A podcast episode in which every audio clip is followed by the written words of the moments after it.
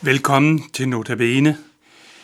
Vi øh, vil begynde med at synge og lø- høre aleneste Gud.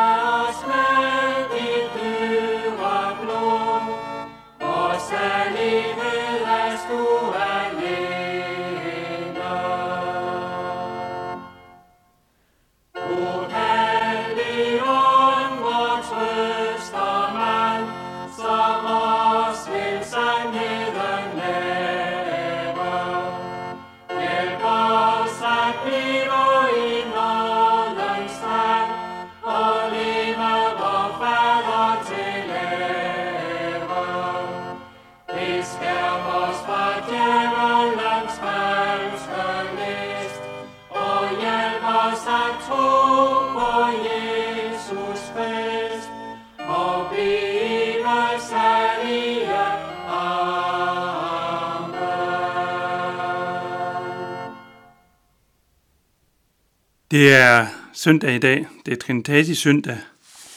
Det er den dag, vi som øh, kristne fejrer treenigheden. Ordet Trinitatis øh, betyder trehed.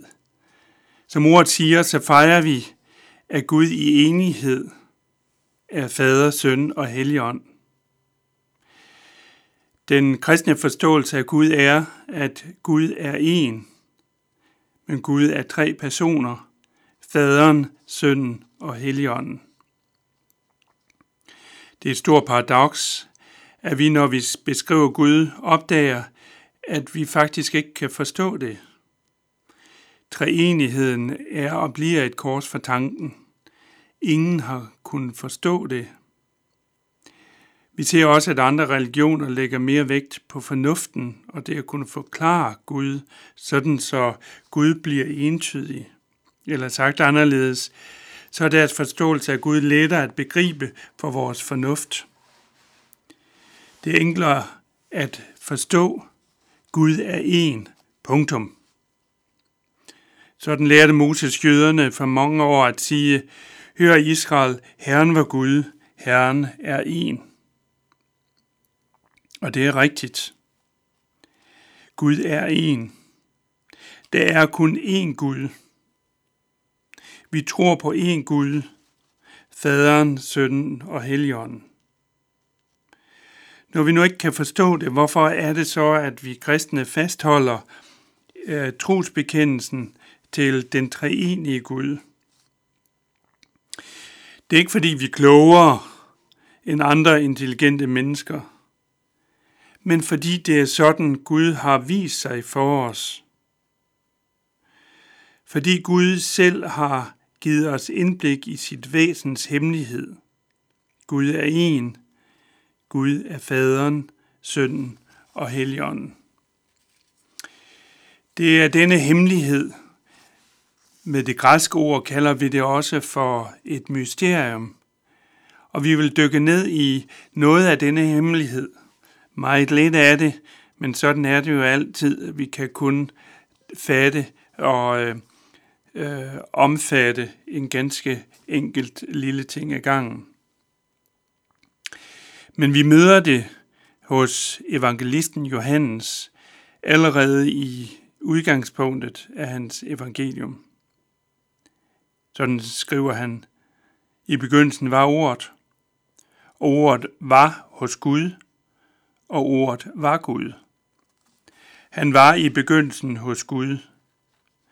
Alt blev til ved ham, og uden ham blev intet til af det, som er. I ham var liv, og livet var menneskers lys.